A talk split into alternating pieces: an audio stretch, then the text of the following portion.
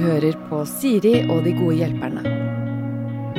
Helgens gode hjelpere er eh, aktuelle med hvert sitt eh, TV-program på NRK1. Marte Stokstad er programleder i eh, serien Hvem bor her? Og Mona B. Riise som do, sjefsdommer i Stjernekamp, er det korrekt? Å, oh, sjefsdommer. Ja, jeg har ikke hørt akkurat den tittelen, men jeg tar, tar, den hvis du sier det. ja, men Du er den eneste som får bli fra gang til ja, gang, sant. så du må jo være over de andre i rang. Å, oh, ja. Ja, ja. men da sier vi det sånn, da. Takk. Ja, fint. Eh, fortell. Altså, hvordan er det å være med på disse TV-programmene? Du, det er eh, veldig gøy. Vi er fortsatt i produksjon, og jeg ser jo at det er en litt annen produksjon enn det eh, du er med nå Skal vi danse-stil. For nå sitter vi i hvert vårt rom, eh, Siri. Det er veldig greit å si det. Ja ja, sitter i hvert vårt rom. Ja, fordi at du har litt strengere restriksjoner enn NRK-ansatte. ja, så vi sitter sammen. vi sitter sammen. Men vi prøver å holde oss på den friske siden, ja. og eh, ja, jeg har fortsatt noen programmer igjen å spille inn. Ja. Men uh, det er veldig gøy å endelig få komme hjem og snoke litt hos folk. Men er, det, er du uh, glad i å snoke? Derfor, altså jeg skjønner jo at de plukker deg som programleder uansett, men var det også liksom dream come true på at endelig kan jeg få lov til å snoke i folks ting? Jeg alltid, og jeg, jobber i Nitimen også, og det å tenke at jeg er inne hos folk, sånn hjemme, og de hører på mens de går rundt i morgenkåpa og er uh, helt Hvor det er maskefall, mm. det har jo jeg alltid vært veldig fascinert av. Og det å kunne gå inn hos noen jeg ikke kjenner, og bare tenke her driver de og krangler, og eh, livet utspiller seg, liksom. Og ligger med hverandre. Liksom, ligger, ja. Jeg bare krangler og, og, og Ja. livet, da. For barn og holder på, liksom. Ja. ja. For du er ikke sånn arkitektonisk opptatt av interiør og den nei, biten der. Det er mer hvilke historier sitter i veggene her, liksom. Ja. Det er akkurat det. At dette er kulissene til dette teaterforestillingen som, som er livet ditt. Eh, og jeg har alltid vært veldig glad i å gå på visninger og sånn. Jeg hadde jo en periode i 20-åra hvor jeg gjorde det uten å skulle ha ny bolig, men bare for å dra hjem til folk. Ja. Så legge meg i fosterstilling og tenke at de er det mye finere enn det jeg er selv. Da. Men jeg syns det var så gøy å se hvordan folk har det. Altså Folk holder på folk så holder på. sykt med hvordan liksom, leiligheten og huset skal se ut. Og det er så mye individuell stil. Jeg trodde egentlig at alle nå hadde en sånn slags blanding i Ikea og Skandinavisk sånn. Ja, ja, men det er ikke sånn. Nei. De har det mye gøyalere. Heldigvis. Og så gjør de det kun for sånn egen glede. Det er ingen som skal se det før de skal nå være med i dette programmet, da. men de har gjort ah. dette her disse vil nok at noen skal se det, eller? Det er jo ikke så stor omgangskrets heller. Det er, liksom, det er noen unger som skal bli henta, og, og du kommer inn i gangen, kanskje. Ja, er så er det noen parmiddager, men bortsett fra det, så er det jo liksom men er det noen som gir komplett F i hvordan det ser ut når likevel åpner hjemmene sine for ikke bare de som skal gjette hvem som bor der, men også uh, det norske folk? Eh, vi har vel vært inne det er, det er, ikke veldig mange av De fleste er jo opptatt av interiør og ja. uh, har en eller annen plan. Ja. Eh, men vi har også vært innom eh, deltakere som ikke har hatt den synlige planen. Som har overraska oss litt også. det kommer, det kommer. Åssen er det hos dere, Mona? Har alle en plan når de kommer inn i Stjernekamp for liksom hva de skal gjøre gjennom hele? Har man hiphopen liggende klar liksom fra program 1? Jeg tror noen har en uh, plan, men så blir folk veldig usikre allerede fra første sending. For da tenker de 'å nei, planen var helt fucked', det var feil'. Ja. Eh, og da blir det vanskelig. Så det blir mye vingling. Ja. Um, men uh, sånn halvveisplan kan være greit, og så må man kanskje kjenne litt på det. Ja. Men det er jo det at hvis du skal synge opera, da, og aldri har gjort det før, så lønner det seg å øve skikkelig skikkelig lenge. Så da bør helst den planen være litt klar. Og det samme med rapp, egentlig. Du klarer ikke å få det til vet du, på en uke, eller hva det nå blir. Altså, Du begynner ikke å øve på søndagen, og så skal levere lørdagen etter, liksom? Nei, men altså, det gjør jo noen, og det pleier ikke å være så lurt. Særlig ikke på rapp og opera og sånn. Uh, på pop som ligger nærme det de driver med, så kan du øve to dager, liksom. kan du røpe nå når hiphop og opera kommer? For det syns jeg er de to morsomste programmene. Ja, det kan jeg si, for jeg møtte Alex Rosén utenfor her. Ja, si det du, da. For jeg husker ikke og nå er det eh, på lørdag. Da er det Grand Prix. Grand Prix. Grand Prix ja. ja. Og så er det country. Ja! Og så er det opera. ja. Ja! Det var deilig å ha Marte her, fordi hun har koll. Oversikt over hva du driver med. Ja, For det er jo fristende, men også litt slemt å legge opera og hiphop for tidlig. For de er jo vanskelig. Så det er greit å få sjalta ut en del folk i starten her, før ja. man kommer seg dit. Samtidig så er det innmari gøy, da, syns jeg, å få se nesten alle i opera. Og ja. nesten alle i hiphop. For det er jo noe med at det er ikke sånn at jeg forventer at de skal være dritgode i det. Eh, så da blir det sånn 'Å, så god du var i opera!' Å! Og så, og så hvis de er dårlige, så ler jeg meg i hjel, for det er det verste jeg har hørt. Og så syns jeg det er kjempegøy. Ja. Eh, og, det, og det viser seg at det er ikke nødvendigvis en dårlig ting for eh, artisten at de er dårlige i opera, fordi folk syns det er gøy. De prøver så godt de kan, og så stemmer de dem fort videre. Ja, for de er gøy å ha med. Man Ja på det ja, også. men du trenger jo ikke være ekspert i absolutt alle sjanger, sjangerne. Nei. Nei. Eh, og hvis man tar det med humør, som jo ikke alltid er så lett fordi man prøver så veldig hardt, men hvis man klarer å le litt av seg selv i den eh, prosessen, så Ja. er det litt ålreit. Dette er et tips til deg også, Siri, når du skal danse vals og cha-cha-cha. Eh, det er ikke krise, du som er så god på sykt mange ting. Det er ikke krise at du ikke er så god til vals, Nei. hvis du skjønner. skal- Men du må prøve så godt du kan. Jeg skal prøve å Ja. smile meg gjennom det. Leke og le. Leke og le. Ja, ja, Herregud, som livet byr meg på muligheter. Danse vals på en lørdagskveld. Takk for muligheten, TV 2. Vi skal eh, leke og le litt gjennom eh, dette her òg. Vi må også ta det på eh, alvor, for dette er ting som folk sliter med der ute. Og vi skal eh, en tur innom en folkehøyskole. Da vet vi jo sånn cirka hvor vi ligger i alder, og hvor utenpå følelsene ligger i den fasen av livet. livet. perfekt. Hei! Forrige skoleår gikk jeg på folkehøyskole, og pga. koronaen ble året litt kortere enn ventet. Dette var veldig dumt, blant annet fordi jeg var forelsket i en gutt. Vi måtte reise hjem i mars og har hatt litt kontakt i ettertid. Vi har møttes et par ganger, noe som har vært veldig hyggelig. Nå bor vi i helt forskjellige deler av landet, men jeg har veldig lyst til å møte han i løpet av høsten. Kan jeg spørre om han vil komme på, bes på besøk hit hvor jeg bor, eller er det veldig rart? Hvordan i alle dager skal jeg i så fall spørre om det, eller har dere kanskje noen andre tips til hvordan jeg kan få møtt han? PS. Jeg vet ikke om han liker meg, men jeg har følt at det har vært gjensidig. Vi har ganske lik humor og har det gøy sammen. Jeg klarer omtrent ikke tenke på noe annet enn han, og trenger å finne ut om det kan bli noe mellom oss. Hilsen Jofrid. Og der har du det. Mm. Jeg trenger å finne ut av dette nå, fordi eh, også pga. koronasituasjonen så kan dette dra ut veldig i tid. Så kan det gå plutselig ett og et halvt år før man møtes igjen, og han leverer følgende setning Jeg liker deg godt som en venn. Og da har du brukt altfor lang tid Mhm. på prosjektet. Ja. Så dette må du finne ut av ganske kjapt. Ja, jeg ser ingen grunn til ikke å prøve å finne ut av det. Eh, hva er det å tape? Eh, veldig lite. Jeg ser at jeg har notert 'forelsket i mars'. Allerede, så syns jeg det har gått lang tid. Ja. eh, men det der med å invitere på besøk, det er jo hmm, Kunne man kommet på noe morsommere, Marte? Altså noe sånn litt sånn lettere? Eller sånn 'kom hjem til meg' når man ikke har Ja, når, eh, Eh, la oss mm. si Nå er det ikke, er det ikke plassert i landet, men la Nei. oss si eh, Skal vi kjøre Bodø-Stavanger, da? Ja. Bare for å ta et eh, eksempel. Ja, ganske langt. Eh, så er det jo Og du er i folkeskolealder, folkehøyskolealder, det betyr også at du har ikke penger å spre om deg til f.eks. hotellopphold eller lignende. Så han må da bo kanskje hjemme hos deg. Det er Ja. er litt nært. Det er nært. Eh, og kanskje da også hvis du bor sammen med foreldrene dine. Det vet jeg ikke. Nei, vet ikke jeg heller. Det blir veldig mye veldig fort og veldig tidlig. Jeg kunne liksom tenkt at det er greit hvis uh, dette møtet foregår på sånn vennepremisser.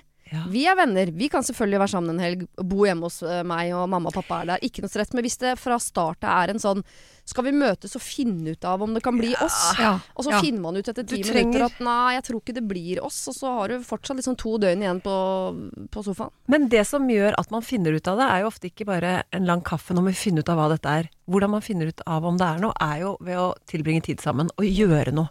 Hva med Nå fikk jeg en god idé. Ja, bra, Hva med å si bare Jeg, kje, altså, Jeg jeg kjeder kjeder meg. meg. Jeg kjeder meg. Skal vi møtes på halvveien og ta en kaffe? Ja.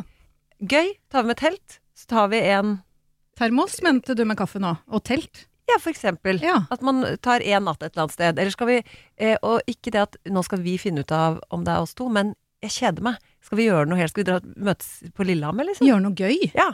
Og ta bare en natt der. Og, eh, ja, en aktivitet. En aktivitet. Fordi eh, hvis det er en aktivitet, så er det mm, ofte en felles sånn plattform for en opplevelse som gjør at man har noe å snakke om, og det binder folk sammen, har en psykolog eh, sagt til meg en gang. Ja. At hvis f.eks. man er på date og gjør noe, eller det begynner å pøsregne og man må søke ly, så er det større sannsynlighet for at man blir forelska, fordi at man har hatt den dramatiske opplevelsen sammen. Så Vi blir tatt av lynet! Hvis du kan se på værmeldingen og se- Hvor er det lyn?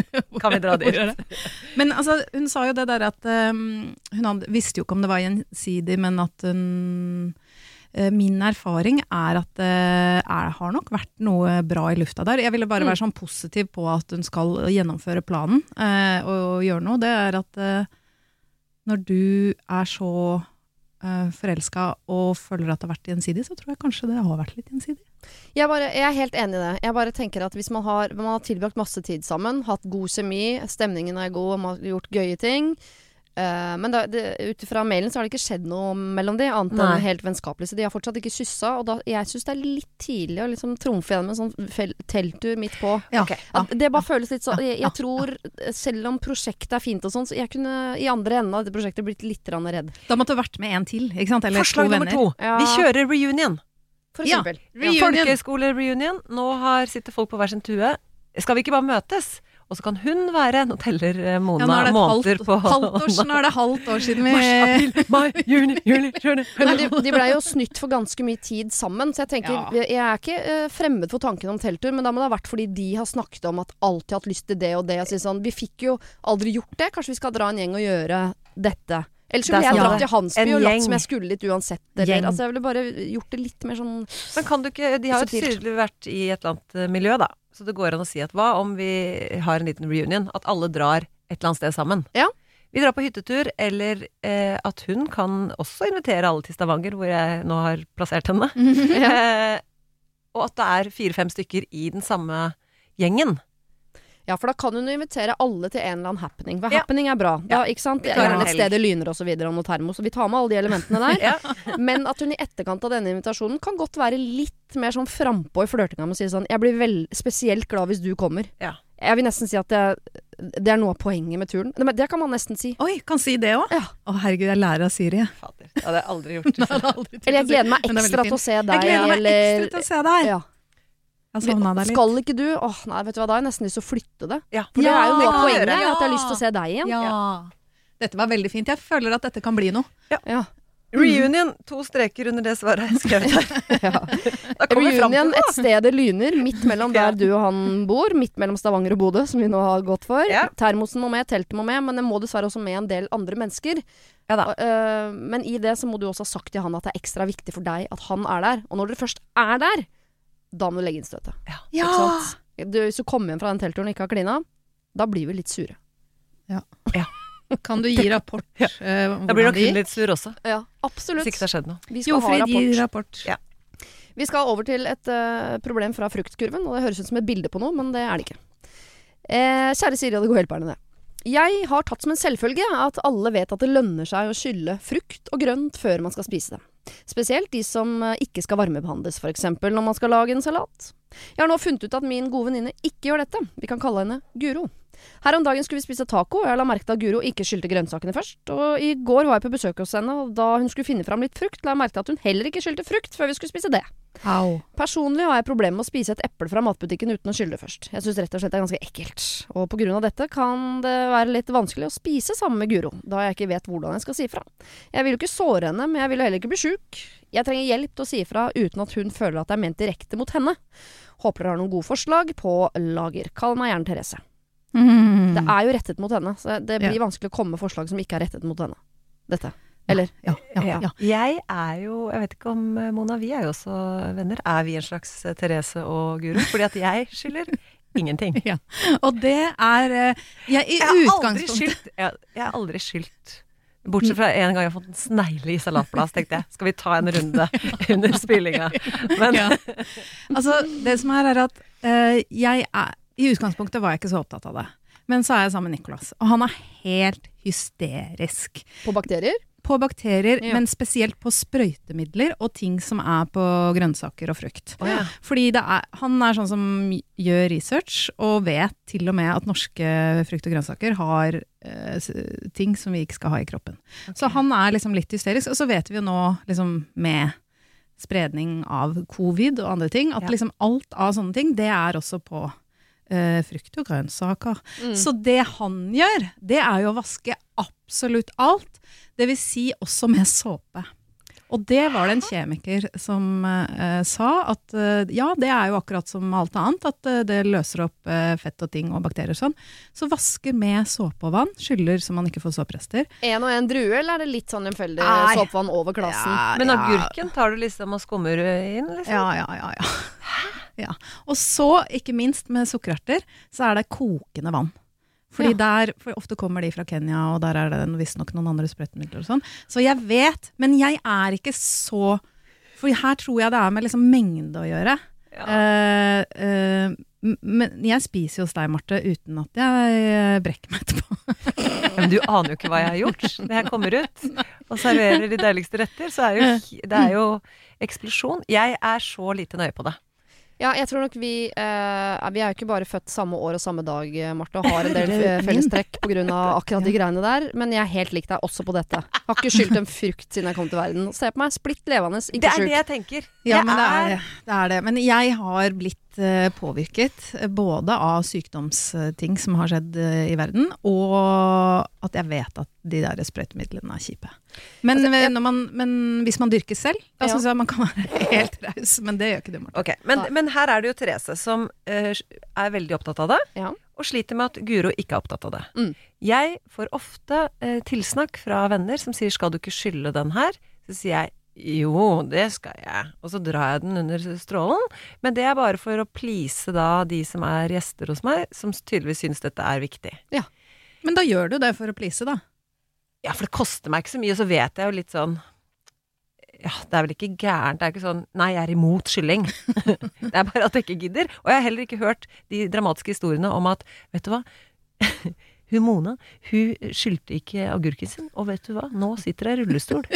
Den har jeg ikke hørt. Og så lenge jeg ikke får de dramatiske historiene, så driter jeg i det. Ja, men da tenker jeg det er jo eh, oppgaven til sånne som Therese å si ifra til sånne som Guro. Ikke for at Guro skal begynne å skylle plommene sine eh, privat, men at når hun har besøk, så vet man at det blir gjort fordi man sier fra. Ja, og det hun skal si er jo ikke si 'Guro, du må'. Nei. Hun må si 'jeg eh, blir engstelig' ja. eh, når jeg spiser grønnsaker som ikke er eh, skylt. Og istedenfor å si at det burde alle gjøre, så kan man si at eh, jeg vet jeg er litt sånn overvar på det, ja. men det er nå en greie. Kan jeg få lov til å skylde? Helt greit at du ikke gjør det, men jeg er litt nøye på det. Og det er du må, du må, legge det frem som at sånn Ja, jeg er litt vanskelig på det området. Beklager, jeg legger meg flat. Men kan vi ta og skylle de grønnsakene? For da er det ikke noe problem. Og så kan du legge ved en forskningsrapport. Nei da. jo, men kan man gjøre det enda mer sånn i nuet og med humor, liksom? Som ikke ja. handler om For jeg tror jeg hadde blitt litt sliten hvis Guro skulle forklare Nei, Therese skulle forklare seg selv og sine behov hver gang eh, det sto frukt på bordet. Jeg er sånn, og sånn er det, og la-la-la, og sånn, ja, sånn er du, og det er det. Istedenfor å si sånn Ta så skyld agurken, da, sier Så skyller jeg agurken, og så er vi videre. Og så vet jeg at jeg kommer ikke til å skylde agurken når du ikke er her. Nei. Men nå ba de meg skylde agurken, da skylder jeg agurken. Det spørs litt hva ja, slags litt forhold de har, ja, og hva slags tone de har. Det kan føles ubehagelig. Ja, det kan føles ubehagelig. Eller så kan det være helt greit hvis Guro er en sånn 'jeg er litt løs på det, og det er greit'. Ja. Jeg skyller agurken, er det greit? Ja, hva med for den? eksempel. Ja, eller så får du ta Sier du at 'kan du eh, steke kjøttdeig', og så tar jeg frukt og grønt. Ja! Så bare altså gjør det sjøl. Perfekt. Og når Perfekt. det står en, eh, et fruktfat der som ikke er skylt, og du tar en pære, da. Gå, så går du og skyller, så går du og skyller den. Ja, for det er jo ikke sånn uh, Vi uh, ikke-skyldere blir jo ikke sure på skyllerne for at de skyller. Nei. Det er bare at vi gidder ikke, for vi er late mennesker. Ja, ja. Dere kan vi skal kutte det i hjørnet og spare den tiden. Helt eksakt. Så ja. da uh, planlegger du heller i god tid. Jeg tar meg av kuttingen, og hvis du er der og det er fruktfat, så skyller du det. Ja. Skyld din egen frukt, som kineserne sier. Ja. ja. det er ikke verre enn det. Det er så lett. Men jeg tror ikke du skal tenke at, uh, at du kan omvende Guro til å bli en skylder. Hun Absolutt kommer ikke. kanskje til å skylde når du er der, men idet du har gått, så slutter hun med det. Ja, og det er greit. Og hvis hun får uh, en heftig uh, infeksjon eller magesjau, så får den bare stå på hennes egen regning. Da kan du peke og le. Det er din to rett. To av tre i studio bør egentlig få det her, Mona. Du går seirende ut av denne pandemien. Jeg og Siri bør jo egentlig eh, er det noen der som fortjener en liten runde covid, så er det jo ikke noe tvil om hvem det er. Det er helt riktig. Vi skal over til noe langt mer uh, alvorlig. Her står det. Kjære Siri og hjelpere. Kan dere hjelpe meg? Jeg og kjæresten min er i midten av 30-årene, og i mars så fikk vi vårt første barn. Hurra! Å, gratulerer. Barnet var et resultat av flere år med prøving og tre prøverørsforsøk. Fødselen ble også svært dramatisk, keisersnitt i uke 35, eh, og dermed et prematurt barn. Venner og familie har allerede begynt å spørre om når nummer to kommer. Av den lange veien til å bli mamma og den dramatiske starten på mammalivet, så fikk jeg virkelig kjenne på hvilket mirakel det er at man i det hele tatt har fått dette barnet, og jeg vet ikke om jeg orker å gå gjennom noe lignende på nytt. Det vil jo garantert gå utover barnet jeg har, og jeg kjenner egentlig at jeg er så takknemlig for dette barnet at jeg er fornøyd. Men er det egoistisk å få ett barn? Burde man forsøke å gi barnet sitt et søsken? Blir det stusslig med bare ett barn? Og vil jeg angre idet jeg bikker 40 på at jeg ikke i alle, fall forsøkte? Jeg hørte deg, Siri, fortelle i fødselspodden at for deg var det viktigere å beholde et for godt forhold til mannen din enn å få barn nummer to. Og det kjente jeg meg veldig godt igjen i. Jeg elsker mannen min, han er mann med stor M for meg. Tilleggsopplysninger. Vi ønsker ikke å adoptere eller være fosterhjem. Vi har god økonomi, slik at vi f.eks. kan eh, ta med venner av barnet vårt på ferie i fremtiden. Vi har mange felles fritidsinteresser, så vi kjeder oss ikke før eh, vi fikk barn. Har det fint sammen. Håper dere kan hjelpe. Hilsen Karianne. Altså skal hun få barn nummer to for å please ja, jeg vet ikke, barn nummer én og, og resten rundt? Og selvfølgelig skal man ikke det. Nei, her føles det som hun egentlig har svaret selv, men at vi ønsker å gi en oppfordring til mennesker rundt henne om å bare slutte å være så masete og bestemme over andre menneskers Ja, dette er jo et eller bare sånn kjedelig smalltalk-dilemma som hun har havna i, fordi at ja, når du møter folk som har ett barn, ja Gjesp litt, når kommer nummer to? Altså, det er bare for å holde ting i gang. Ja, Altså, er, og kanskje ikke lure så på det. Nærmeste familie gjør kanskje det. Men det er jo bare å si nei, jeg tror kanskje ikke det kommer nummer to. Ja, vi er fornøyd, liksom. Og hun Ja, har jo så mange ferdig. fine løsninger. Det Det, er å, det å være en surprise. ja, det å være sammen med andre barn, altså venner. Få med dem på ferie. Gjøre ting så, så barnet blir vant til å være sammen med andre barn. Mm. Det er veldig gøy at jeg snakker så selvsikkert om dette som ikke har barn sjøl. Ja, ja. Men det jeg mener Jeg har jo i hvert fall flere eh, venner som bare har ett barn. Og de har vært gjennom et helvete pga. det, fordi de har syntes at det har vært så vanskelig å ta den avgjørelsen, og at det har vært mye mas rundt, og at de ikke føler seg bra nok. At Ja. de liksom ikke har eh, gitt det barnet nok eh, i livet ved å ikke ha et søsken. Og da kan jeg jo si at selv om man har søsken, behøver man jo ikke være så veldig tett. Nei. Det er helt forskjellig hvordan det blir med et søsken. Det kan man ikke bestemme som foreldre.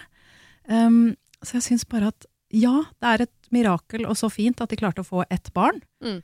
Og så må man bare finne en måte, sånn som du sa, og liksom Nei, men jeg tror kanskje det bare blir et barn, jeg. Og det er grunnen til at man sier alle barn fortjener et søsken, eller sånne ting som ikke er nødvendigvis sant, men det er jo at man er redd for at eh, to foreldre går så opp i det barnet at Mm. det blir eh, eh, liksom strøket medhårs hele tiden, eh, at man blir engstelig, at eh, det er sånne ting som gjør at det kan være slitsomt for et enebarn Mm. å komme ut i livet, da. Fordi eh, hvis de har vært rundt andre barn, må vente på tur, alle de tingene der, kan du lære barna dine uten å ha søsken. Ja, Man må kanskje bare konse litt på det, eller? Eller sånn Ja, bare må- tenke seg litt om, fordi man vet at eh, ja, hvis man bare har et barn, så kan det hende man blir litt, ja, sånn litt mer engstelig, litt mer Ja, for jeg merka jo at man blir jo mindre Eller når man får flere barn, så blir det liksom Ja, da Jeg må hus- det bare gå. Husker hun siste der som satt aleine i gangen en halv kveld. Sett deg i gangen du, Signe. Signe Jo, men satt og holdt på med sine egne greier en halv kveld, og jeg hadde glemt det. Sånn er det nå. Ja, men, jeg, men, men jeg har jo samme problem med hund, for eksempel. For nå tenkte jeg, er det ikke egoistisk å bare ha én hund, da? Han bør jo få søsken. Så Ja. nå fikk vi oss ny valp for å please han. Han liker ikke henne. Kjempedårlig stemning. Kjempedårlig stemning, ja. ja. Så han ønska seg ikke det. Vi bare spurte aldri. Glemte å spørre. Glemte å spørre. Og så er det noe med, hvis man er bekymret for sånn Ja, enebarn, ja, de blir så øhm, egoistiske og er ikke flinke til å samarbeide. Ok, la oss si at det skjer, da. Da er det eh, to av de dårlige egenskapene barnet ditt har som voksen. I rekken av fler. Ja. Eh, alle skal jo ha i hvert fall ti dårlige og ti gode egenskaper. Ja. Og det er vel et fett, egentlig Hvilke av dem det er. Hvilke det er, ja. Og hvor de kommer fra. Hvis Ja. du får et søsken, så får du sikkert en annen dårlig egenskap av det. Og sånn som jeg har altså vi har, uh, har Nei, jeg har ikke en niese. Hva heter det? Altså, jeg er tante til en på 19 Ja, uansett, da. Det er hun niesa di. Ja. Hun er enebarn. Ja. Og vi har da uh, fire barn. Men hun er jo på en måte en del av den søskenflokken, har vokst opp sammen med våre barn, på en måte. Vi har hatt Ja. henne mye. Så selv om hun da er alene sånn i familiekonstellasjonen, så er hun jo med. Hun har jo vært sammen med oss hele tiden. Så det er jo det å finne andre, enten det er venner eller familiebarn som du omgås, som Mm. er jo naturlig innad i en familie, så er jo ikke det noe problem. Jeg Så lærer du deg de tingene. ja, jeg føler at det er modent og voksen å se hva man får til og ikke får til som foreldre. Og hvis man tenker at, vet du hva, jeg får ikke til en til, Nei. og dette er altfor hardt, så må man jo bare da, Jeg klarer det ene barnet, og det barnet skal jeg være best mulig for. Jeg eh, ganske ofte råder folk til å stoppe på én og bare få ett barn. Ja. Og det føles jo litt rart når man har to barn selv. Eh, og høres jo tidvis også litt slemt ut, men jeg må også innrømme at hvis jeg hadde eh, skrudd tilbake tiden med erfaringen eh, ved å ha to barn, men ikke noe av kjærligheten, den hadde jeg glemt. Den mista jeg. Eh, så hadde jeg også bare Da tror jeg kanskje jeg hadde stoppa på én. Ok. Jeg syns det virker helt magisk å bare ha uh, ett barn, men det jeg tenker på er Stakkars det barnet når jeg blir gammel og surrete. Det må være deilig å kunne ringe noen og baksnakke meg sånn hardt. Ja, det tror jeg. Men det finnes alltid kusiner eller eh, bare noen venner man kan snakke med. Ja da. Eh, snakker av erfaring. Men jeg har jo gjort motsatt av deg, Siri. Jeg har alltid høylytt gått rundt, slått armene i været og sagt Flere barn! Lag en gjeng! Ja. Og to er ikke nok. Nei. Jeg har liksom pusha det på tre og fire. Barna må være i flertall. Eh, det har jeg sagt til flere, og så har jeg også fått tilbakemelding på at noen har gått på da nummer tre. For litt sånn inspirert. ok, lykke til. Men, eh, men det står jeg også for, for jeg syns det er veldig gøy å være en stor gjeng. Ja. Selv om det er slitsomt. Ja. Så Men er det er- slitsomt er ganske langt ned på lista over positive ting, da. Men da er jo det et ønske som kommer fra deg, og ikke fra naboen og mora di jeg har ikke gjort det for barna. Nei. Jeg har gjort det fordi at vi voksne syns det hadde vært gøy. med flokk. Med flokk, ja. Ja. Så det er jo viktig å ikke å gjøre det. Tåler forholdet det? Tåler vi det? Har vi kapasitet til fire barn og to hunder? Det hadde vi ikke. Men, men litt under der, da. Så det må man jo kjenne på selv. Og det er jo jobbsituasjon, boligforhold. Det er veldig mange andre ting som spiller inn Mm. enn bare ønsket om å være en gjeng, liksom. ja. Og hun spør er det egoistisk å bare få et barn. Det er hun uh, usikker på. Og så er det jo også det uh, hun er redd for, er at hun uh, når hun blir 40, eller altså på et eller annet tidspunkt, da, angrer, angrer på det valget, og at det er for seint. Ja, du må bare bestemme deg for at det skal jeg ikke angre på. Nei. For Fordi er vi sikre på det? For noe av grunnen til at hun stopper her, etter dette ene barnet, Mm. er jo også frykt for at det skal bli like slitsomt igjen. At det skal bli like vanskelig å bli gravid, at fødselen skal være like vanskelig, at hun og mannen ikke fikser det etter Det er jo fryktbasert. Dette er jo grunnen til at noen, Ja. eh, noen tenker sånn Jeg skal aldri få barn, fordi eh, det, det kommer til å bli så vanskelig. Ja. Og så er det fryktbasert. Jeg har aldri hørt noen angre, bortsett fra deg, Siri. Så det er jo noe, da. Og det er dumt Nei, å styre livet sitt av uh, frykt. Men Ja, det at det har vært det det. komplisert å få barn, eh, og den prosessen er jo litt annerledes enn hvis man sitter i et par og vet at man lett kan bli gravid. At det er ikke noe problem. Eller har hatt ukompliserte graviditeter. Men da tenker jeg at du må også bare tørre å lande i det valget ditt, og så får du heller nesten dyrke det. At vet du hva, Eh, det kunne gått utover kroppen min, det var prematurt sist gang. Mm. Finne ting som gjør at du står ved det valget. Ja. Hva, jeg. hva med f.eks. å nå kose seg i hjel med det barnet man har? Ja. Eh, Ligge med mannen sin når man har lyst? Ja. Eh, eller oftere, som kapasitet. Litt oftere enn når man har lyst. ja, Ja. det kan av og til være lurt. Ja. Eh, eh, uten å bruke, bruke prevensjon. Og skjer det, så skjer det. ja. For jeg tenker vi skal bruke de der første årene av livet til ditt barn på å gå på eh, hormonkurer, ut og inn av sykehuset, inn Ja. med egg og ut med egg og rør og alt det greiene der. Mm. Så mister du jo Og det er jo en del ting du går glipp av i livet til det barnet som er der, ved å, å 100 fokusere på dette som du i tillegg gruer deg til fordi du syns er skummelt. Ja, og som du er helt usikker på. Ja. Hun var ganske så usikker. Eh, men eh, ja, det syns jeg hørtes ut som en veldig god plan, Siri. Har du, driver du med sånn problemløsning? Ja, jeg har vært, jeg har vært innom det. Jeg har vært innom det. Men hvis du virkelig vil ha det barn nummer to, så er det jo verdt den innsatsen. Hvis du er liksom så Jeg vet ikke helt, så tenker jeg sånn Da er det greit om det skjer på slump, tenker Ja, jeg. og det skjer innimellom. Ja, Eh, ja, og da er det bare Det som er fint med hjernen, er jo at den snur jo om. Og det tenker jeg liksom, hvis du bare har ett barn, så er det sånn Ja, men det var sånn Hvis man klarer å gå over til Ja, men sånn ble det for meg, og dette er kjempefint, å se på de positive sidene med å være at man har ett barn. Ja. Og så hvis det blir to, så Nei, men det var flott, for da ble Ja, da ble det sånn, da. Da Og så kan du heller sånn. få deg en hund, da. Ja. Ja, ja. Og hva med hund? Ja. Jeg syns jo hun er veldig bra, jeg, da. Jeg kan si som tobarnsmor og hundeforelder, det kan du også si som firebarnsmor og hundeforelder, at man blir jo eh, like glad i hunden. Ja. Faktisk. Gjør man det? Ja, ja. Man, man gjør faktisk det. Jeg syns det er så trist nå for Silje. Han er så trøtt om morgenen. Ja. er Han er så gammel. Ja, når de begynner å bli gamle. Ja, nå begynner å bli gamle, så nå blir han så trøtt når det blir høst. Han vil ikke stå. Vi er fem stykker i vår husholdning, og tre av de får høre hver eneste dag at jeg elsker dem, for jeg hvisker det inn i ørene deres. Og man skulle kanskje tro det var far og de to barna. Hun og de to barna. Så eh, absolutt, en hund kan man få. Men til eh, deg, da, som jo eh, høres ut som ikke du har lyst, med mindre det bare er fryktbasert, så tenker jeg eh, vær fornøyd som du allerede er med det barnet. Skjer det, så skjer det. Ja. Da tar vi det derfra. Men at du skal nå på vegne av liksom, folk som spør, og, og dårlig samvittighet for at du kanskje er egoistisk, og dette barnet som kanskje en dag får lyst på, osv. Så, syns jeg ikke du skal gå inn i en sånn vilt opplegg med noen ny prøverørsrunde og sånn. Syns ikke det. Hold deg til igjen. Hold deg til igjen. Kjære Siri og de gode hjelperne. Kan dere hjelpe meg, står det her. Jeg har møtt en mann som er 16 år eldre enn meg. Jeg tenker at dette kan by på problemer i fremtiden. Uh, dette tenker ikke han på som et problem. Vi bor, en, vi bor en del timer unna hverandre, men ses så ofte vi kan. Tenker også at dette kan bli vanskelig å fortelle familie og venner etter hvert. Samtidig som det er 16 år mellom oss, klarer jeg ikke å slutte å tenke at dette kanskje kunne fungert. Ingen av oss har barn, og jeg er 25, han er 41. Skal jeg kjøre på, eller skal jeg avslutte? Hva ville dere gjort? Kan jeg tro Trude. Kall deg Trude. Ah, det spørs helt hvor denne 41 år gamle mannen er i livet. Det skrev hun vel ikke noe om. Det er ingen som har barn og sånn, i hvert fall. Så de er jo på en måte uh, Nei, og han er singel, liksom. Ja, det, det håper jeg. En, hvis... grei, ja. ja. Eh, da er jo han i et veldig sånn 'jeg vil slå meg til ro'-stadiet, kanskje. Mm. Eh, og det spørs jo litt Det kan jo være at selv om det er 16 år forskjell, så er man på samme sted. Ja. Eh, jeg Nå, tror det er Ja. Og så kan man se for seg den Eh, når du er 60, ja, så er han 76. Han kan være sprek. Han kan også være på hjem. Men det er, jeg vet, det er vanskelig. Du greier ikke å slukke en kjærlighetsflamme bare ved å se for deg 50 år ned i løypa, liksom. Ja, hvor fornuftig skal man være når man er forelsket? Nei, altså jeg syns jo egentlig kjærligheten har ingen grenser. Altså, det har vi jo sett. Ja. At det, det kan fungere, det.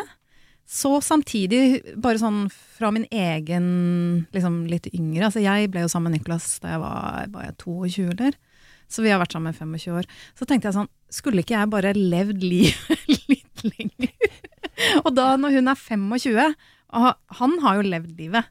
Men hun har jo muligheter til å bare Ja, leve, være ung, da, istedenfor å bli gammel fort. For det syns jeg det, det er det.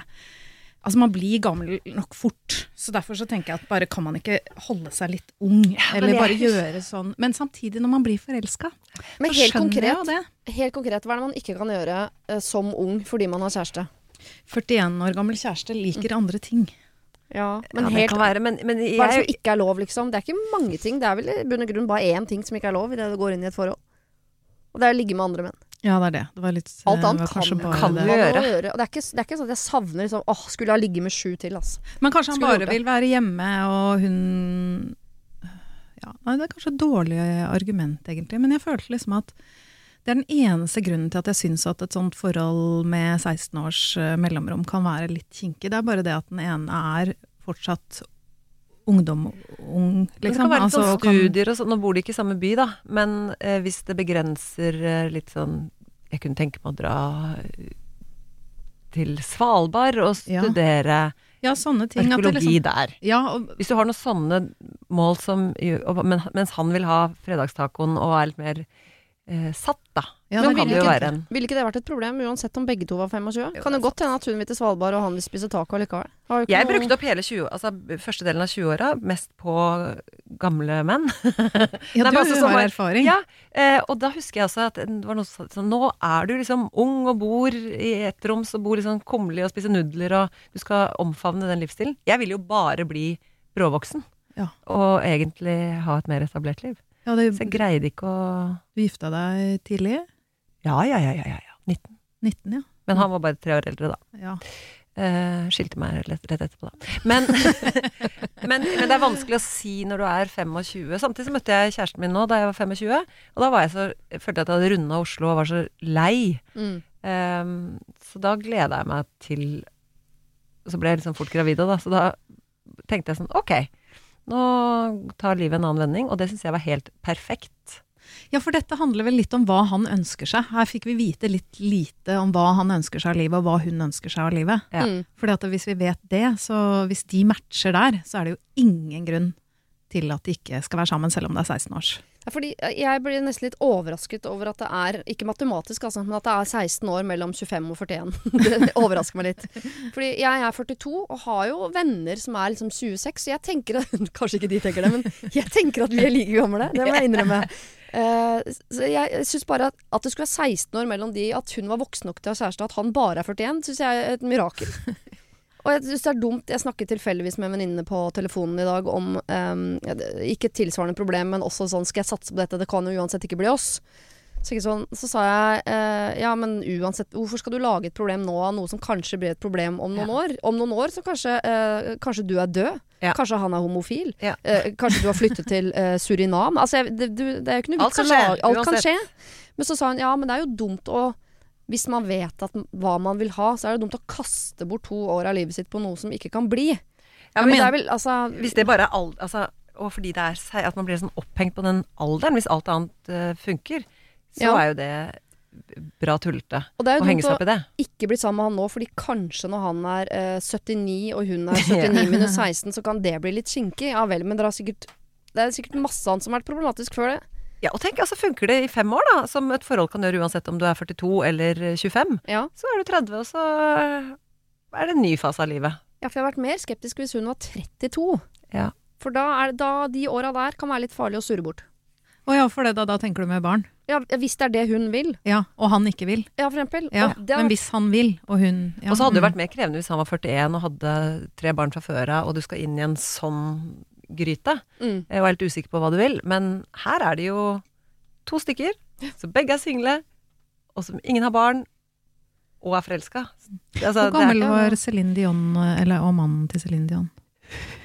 Husker dere det? Var ikke han veldig mye Han var manageren hennes også. Ja. Eh, jeg kan tenke meg magefølelsen sier 25 års forskjell. Ja, det tror jeg jeg tror han var 45, og hun var kanskje 19, da. ja, men de elsket hverandre ekstremt høyt. Og så Ja, døde han. Til han døde. til Han døde. Mm. Men det, hun er evig takknemlig. Ja da, fikk to tvillinggutter også. Men jeg tenker også at hun 25, han 41, ut fra det lille vi vet her, så høres det ut som de er litt i samme fase i livet allikevel. Ja, og test ut med vennene dine, da, hvis han kan takle å være, uten å ta capsen bak fram, og være i vennegjengen din. Ja. Eh, og du kan også være med på noen middager med hans venner. Ja. Uten at det er Og skikt. det surrer og går fint.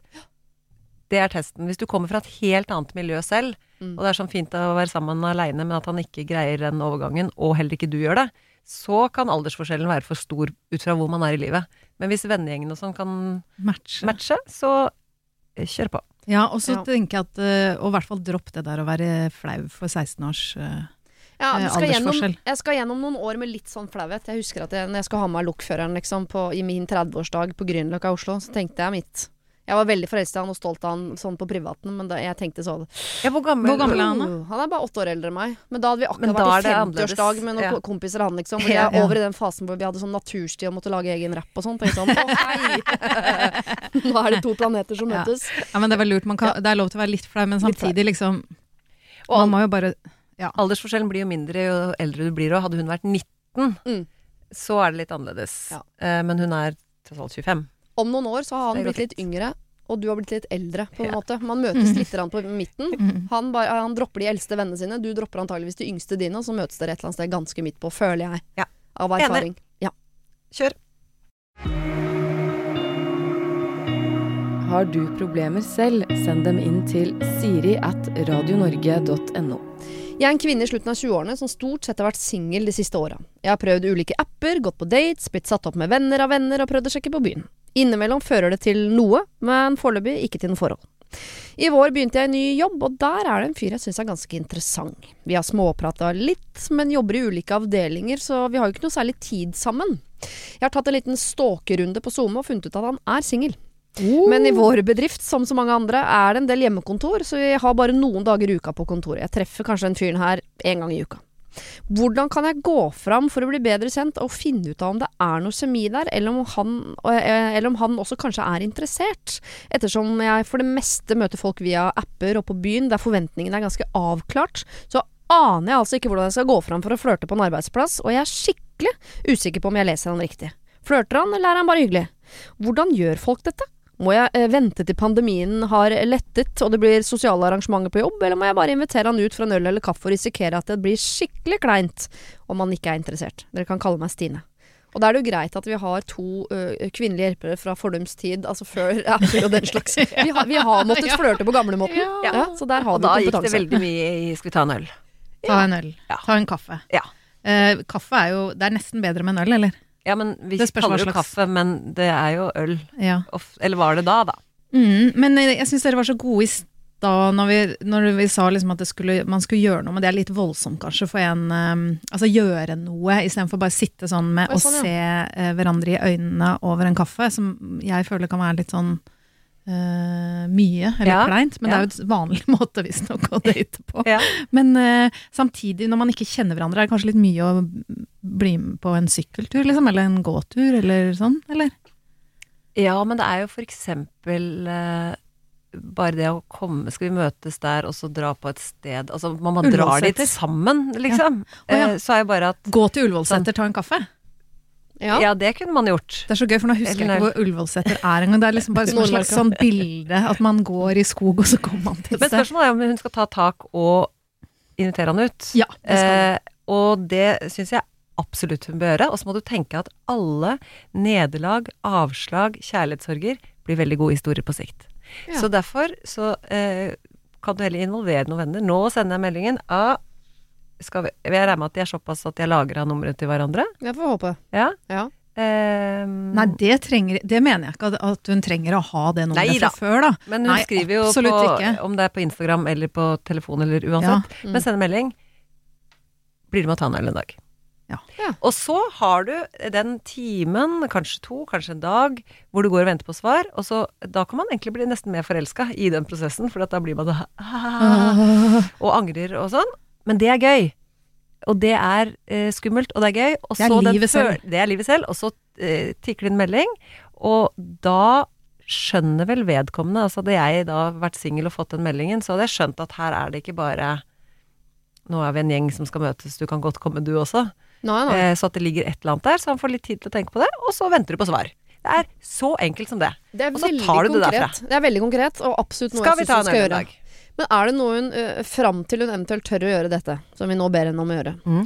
uh, noe man kan gjøre på jobb som gjør at det derre- den flørtinga er tydeligere, og ikke bare sånn Og hun er en veldig sånn hyggelig person, hun som er hyggelig mot alle', blant annet meg. Mhm. At man kan være tydeligere, om det er kroppsspråk eller blikk eller hva man sier som gjør at Det er litt vanskelig nå når man ikke kan ta på hverandre. For det Ja, er er vanligvis. Fordi at det er jo en ganske sånn greie at du bare tar hold, Når du liksom snakker, så tar du bare en liten hånd på armen. Ja. Det er jo en ganske god, ja. god I det hele tatt, det å være nær, altså når man går forbi da, liksom øh, Holde på skulderen til vedkommende, liksom bare, jeg skal bare forbi her. Altså, ja. må, må, du må kjenne på et punkt på Kroppen. ja, ja, du, må, du, må, du må være nær. Du må være nær. Men det er litt Ja. vanskeligere nå, så da må det være sånn å stille noen gode spørsmål. Noen Ja. gøyale, gode spørsmål. Eh, I det Som viser at du er interessert Ja, i hvem interessert man er i hvem også. han er. Ja. Ja. Men fordi kan man begynne i komplimenter, Ja! eller kan man ta uh, på skulderen en dag og si sånn Oi, ja, nei, det er jo ikke lov, men det er jo vanskelig å la være, da. Altså, kan man Jo, men kan man i jeg bare tenker, Kan man være litt grann mer på uten at man blir eh, grisejente, liksom? Ja, men jeg syns øh, Jeg er jo nå mot fysisk, fysisk. øh, fordi at det tilfelle, Jeg vet ikke hva slags grenser han har akkurat nå. Så jeg ville gått for kompliment. Jeg syns det var en veldig god idé. Så Ja. fin på håret. For en blå skjorte. Mm. Fin blå skjorte, da. For en blå skjorte. Utrolig blå skjorte. Ja, må vente til han har på det, da. Ellers så Jeg tror jeg aldri har gitt, i forsøk på flørting, gitt noen komplimenter. Men det syns jeg man kan. Eh, og det kan man, men eh, for meg så har det falt seg unaturlig. Ja. Men, For da blir eh, du men det venn. er jo heller å le opp. Altså, du ser jo på, på blikk og energi. Du stiller oppfølgingsspørsmål. Du søker mot den personen. Ja, og du må Eh, og, og, og det man har lyst til for å se om det er noe, er jo Ofte så er det jo basert på det, og bør være basert på det, at her er det Når vi møtes, så skjer det et eller annet. Så er det ekstra gøy og ekstra sånn surrete, og vi har et eller annet. Ja. Du må jo få dyrka den, for det er den han må føle på. Ikke bare at jeg har tatt på meg en fin skjorte, for det er jo strengt tatt skjorta sin. Sin skyld. sin skyld. Men eh, en eh, venninne av meg jobber på et sykehus, og der har de begynt med sånn disko på tirsdager om morgenen. Eh, det er For min del så hadde det vært sykehuset? dødsflaut å liksom begynne å liksom si sånn Jeg tenkte at vi, hadde, at vi skulle ha disko Ja, klokka den? sju om morgenen på tirsdager. Men det, jeg ser jo at det har blitt utrolig god stemning eh, blant de legene der. Ja. Er ikke det en sånn greie folk driver med nå? Sånn musli og disko-greie? Jo, kanskje det. Ja, det er en greie. Jeg hadde Ja. ikke hørt om det før. Vet det. Vet du det? Hva Hva med å Nå vet jeg ikke hva slags stillinger de har i den jobben, men, men man må få til noe sosial samling på jobb. Ja. Husker du vi hadde da vi jobba i P3? Hemmelig venn, for eksempel. Hemmelig det var veldig gøy. venn var gøy. Som jeg satte i gang. Det var også eh, egentlig for å få til noe mer sosialt gøy på jobb. Jeg blakka meg på å kjøpe en sånn eh, Det var en boblevest i sølv til eh, barnet til Nicolas Carli. I topp 20. Som Niklas brukte selv, faktisk. For det er jo rett og slett eh, bare at man skal eh, trekke ut fra en hatt navnet på en annen på jobben, og så skal Ja. man i neste uke sørge for at den jobben har en prima time, eh, uten at du skal avsløre at det er du som er den hemmelige vennen. Det er å sende hemmelige meldinger. Eh, jeg kunne komme på jobb og få blomster. Eh, Og det var sånn ja, ros og veldig mye gøy. ja, det var Det er jo det vi gjør. Hun arrangerer hemmelig jobb, øh, venn på jobben. Hun. Velger seg ut han selvfølgelig, for hun er jo øh, hjernen bak, så hun kan jo ta akkurat hvilken lapp hun vil. Er veldig hyggelig mot han og kan gjemme seg bak. Dette er bare en del av Hemmelig venn-prosjektet. Ja. Be han med ut på kaffe og øl og Ullevålseter og hva det nå men måtte gjøre. i Men i, etterpå, i etterkant, når det avsløres hvem som har eh, Så sier hun 'jeg har bare vært din hemmelige venn', og så kan hun håpe at underveis i hemmelig venn-prosessen så har de blitt så gode venner at de har blitt eh, De kan Mer ikke holde det hemmelig lenger. Og idet du går forbi, så sier du sånn Hva om vi skulle blitt hemmelige kjærester? Ikke sant? Der er vi. Så får hun nei, og så blir det kjærlighetssorg, men da er det god historie. Det er en god historie. Men jeg synes hun må i hvert fall jobbe ja, Hun må bare jobbe for dette, for det er ikke noe vits å legge Du dette dødt. teste prøvd Nei, alt mulig annet. Dette må bare Her er det bare å sette i gang. Hvis ikke du har gutsen sjøl til å bare sette i gang, så eh, gjemmer du deg bak uh, den utrolig deilige uh, pleddet det kan være, uh, og si at dette er et hemmelig venn-prosjekt. Ja. Ja. Og så, eh, hvis hun skal invitere han ut, så er det veldig viktig å eh, adressere at dette er litt kleint og rart. Ja. For da har man et felles prosjekt. Ja. Eh, hvis hun skulle, skulle ta en øl i dag, og så kan hun godt si at dette har jeg ikke gjort før, men jeg syns du bare er så hyggelig type, og så kjeder jeg meg litt. Så eh, sånn er kjenner kjeder jeg meg litt. Ja. I disse koronatider. Ja, fordi at Ja. da virker det ikke for sånn derre Men du kan godt si at dette er jo eh, litt rart. Eller så, hvis de er såpass eh, lett eh, At han er såpass lett å prate med på jobb, så er det jo ikke så unaturlig. Nei. Da er det jo ikke som en første date på Tinder hvor det er et helt fremmed menneske. Og så kan du begynne å prate selvfølgelig om jobb, og misfornøyd med ledelsen, og så har du det gående. De der, Og kantina, altså Ja. maten i kantina. Vi har jo Kaffen er vond. Men det er jo det som er fint, du har jo mange å prate om. Ja. Dere kjenner en del felles folk, Ja. og er på samme arbeidsplass, så da har du jo en gyllen mulighet til å liksom begynne å prate om noe. Ja, absolutt. Dette tror jeg går veien. Ja. Hemmelig venn på arbeidsplassen. Genialt. Hvorfor har jeg ikke holdt på med dette i 15 år? Aldri vært sammen med nevnt før der? Ok. Uh, ok, ak- øh, faktisk også første ord i denne mailen jeg nå skal lese. Ok. Dette er ikke det største problemet i verden, men jeg søker allikevel rådet. En venninne av meg er masterstudent her i Oslo, men har vært hjemme hos familien i hele sommer. La oss kalle henne Frida. Frida har en helt ekstrem eh, plantesamling, og i sommer spurte hun meg om jeg kunne passe disse plantene. Det sa jeg selvfølgelig ja til. Tenkte at det gikk fint, vi bor nærme hverandre, det er ikke noe stress å stikke innom iblant. Nå har Frida kommet tilbake for å studere videre i september, og jeg har altså drept to av de nydelige grønne plantene hennes. Jeg aner dessverre ikke hva de heter, hvilken type det er osv. Den ene er en svær greie som har blitt brun, gul, rar. Men som jeg tenker en plantekyndig kanskje kan få liv igjen. Men den andre er en litt sånn treaktig plantegreie, den er helt dau. Så hva gjør jeg nå? Skal jeg erstatte planten før hun kommer hjem? Skal jeg si fra på forhånd og si at jeg godt kan dekke utgiftene ved å kjøpe en ny, eller skal jeg si noe, ikke si noe, og se om hun tar det opp? Det er noe eh, helt ekstremt kleint med å sende en melding og si 'sorry, det gikk ikke så bra med de plantene'. Altså, hvilket voksent menneske med respekt for seg selv klarer ikke å vanne en plante? Jeg er i full jobb, men hun er student og jobber deltid, så jeg har nok bedre økonomi enn henne om det skulle bety noe. Hilsen plantetante. Jeg, Mm. syns det er gøy å sende en melding hvor hun også kan skrive det. Altså, jeg, vi begynner Altså. Jeg er i full jobb, men dette prosjektet her greide jeg ikke. Vil du si at den er død, eller bare syk? Og så tar du bilde av de plantene som hun er litt uh, i tvil om. Ja. Og bare si at vet du dette Det jeg. Dette greide jeg ikke. Nei. Og skriver det på en litt morsom måte. Ja, og det syns jeg også, for det, det blir mye dummere å ikke si noe. Eh, så si noe, og så gjør det gjerne på sånn gøyal måte som Ja. det. Og jeg vil jo ikke si Var det han eller hun? Nei, hun har ansvaret for å Nei, kjøpe nei, nei, nei, ny plante. Herregud, Du skal skrive så 'død' eller bare litt sliten, og så sender du bilde av de Ja, plantene det Hun gjelder. kan jo si at hun var litt lei seg for det etterpå. Altså, det går jo an. Ja, og Ja. dette greide jeg ikke. Og så kan du heller le litt av det. Nei, Men for det er- hvor stort ansvar har man når man har sagt at man skal passe på noens ja, La oss ta planter først, da, som jo her gjelder. For at den planta skal overleve. Når det er planter, så har man litt mindre ansvar, og da prøver man bare så godt man kan. Ja. Og det er jo sånn, hvis man ikke har fått full instruksjon om hvordan man skal vanne, så Mhm. kan man fort drepe en plante. Jeg gjør det hele tiden, jeg. Ja. Og det som skjer med meg, jeg vanner for mye. Ja. Og da, ja, da bare drukner de jo, ikke sant. Og så Mm. blir de brune, og så blir de Det var det. Så det er veldig rart, for jeg har liksom en mor med verdens grønneste fingre, og jeg kan en del om planter, men akkurat det med vanning, Mm. der uh, glemmer jeg meg, og så bare tenker jeg nå må man få vann, og så blir det for mye. Ja, det er sånn jeg holder på. Og man må tenke at det er ikke barna du har blitt bedt om å passe. Nei. Eh, Da er det et Ja, annet for hadde det vært katten eller barna, Ja. da må vi opp på et annet nivå. Helt annet nivå. Det må Ja. man også vite idet man sier ja til å passe katt eller hund eller barn. Mm. At da er man på et annet nivå. Jeg ville også avklart en del ting, jeg, før det. Men du Eh, kan jo sette en lapp på. Denne skal ha vann så og så mye. Ja. Den skal lite. For dette her har ikke jeg peiling på heller. Vi f.eks. leide ut eh, eh, hjemmet, eller huset, da, på Airbnb i sommer. Ja. Og da spurte jeg de gamerne mellom 17 og 22 som, eh, som leide, eh, kan eh, dere vanne plantene? Ja. De sa ja. Ja.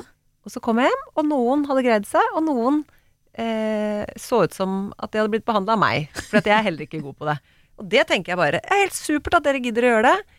Om noen dør, sånn er det. For det kunne skjedd selv om du var hjemme. Absolutt. Ikke sant? ja. Men hvis dette var hos en botaniker som har brukt all sin ledige tid på å få disse store og flotte Da er det jo litt lemfeldig å bare overlate det også til en eller annen Ja.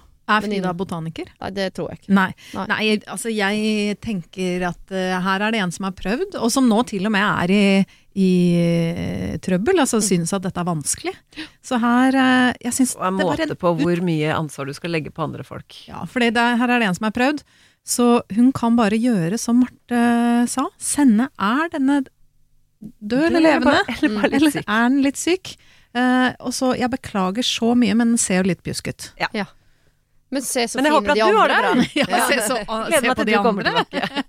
Ja, for det er noe med også når man ikke bor der, så er det sånn hvis jeg skulle ha passa plantene til noen, så hadde jeg gått innom da, da en gang i uka. Da hadde alle fått vann. Ikke sånn ja, du Nei. skal ha vann ofte, du skal ha sjeldent. Det er alle, en for alle, alle for Men da må du betale folk, tenker jeg, hvis Ja. du er så nøye på det. Ja, for jeg tenker til å gjøre dette flere ganger i uka. Jeg blir til og med litt irritert jeg, når mamma spør om jeg kan vanne hennes eh, plante på Årvoll, fordi det er ganske langt fra meg. Ja. Ja. Og, og det er jo ikke det at jeg ikke vil hjelpe henne, men det er, det er vel det også at det er, det er jo bare planter. Ja. Så kan ikke noen i oppgangen ta de plantene istedenfor at jeg må bruke timevis og, og få dårlig samvittighet fordi jeg jo glemmer det. Og drar til moren din, som ikke er der engang. Nei, hun og når man ikke klarer å vanne sine egne planter, syns jeg er litt mye å be om at man skal klare å liksom ta buss for å vanne andres planter. Det er mye det er faktisk ganske Og så mye. skal Å, jeg har et tips, forresten. Ja. Det er jo, Hvis man har sånn eh, colaflaske eller Farrisflaske, ta den på hodet ned i jorden. Mhm. Da blir den jo vannet sakte, og da kan den holde i ukevis på egen hånd. Ja. Det var mine planter. Jeg gjorde det Å, fader. to uker på Mallorca, eh, og kom hjem, og da hadde eh, gulvet blitt ødelagt for at det hadde rent over, da. Så det ja. Hvordan- da det men da har du gjort det det feil. Ja. en og en halv liters tok jeg. Ja, men det Ja, går. men satt du med tjukke enden ned, da? Eller? hva? Ja, hva gjorde du? Nei, jeg hadde litt for porøs jord, jeg vet ikke. Men uansett så skal du ikke være bekymra for at du har full jobb og er voksen og ikke får til planter, for det har noe med interesser å gjøre. Jeg får heller ikke til det. Eh, og, og leve godt med det. Så det, skal ikke, det er ikke for alle. Nei, det er litt begrensa hvor glad man kan bli i en plante. Det, det må være lov å si. Men eh, jeg syns du skal si fra. Absolutt. Fordi jeg ville blitt irritert ikke for at du hadde drept plantene mine, men for at ikke du gadd å si fra. Det er som jeg sier til ungene sånn, jeg blir ikke sur for at du søler. Jeg blir sur når du ikke tørker opp. Ja. Ikke sant? Så det er si, send bilde av plantene, og si hva tror du. Pjusk eller dau. Ja. Ikke sant? Lag et gameshow.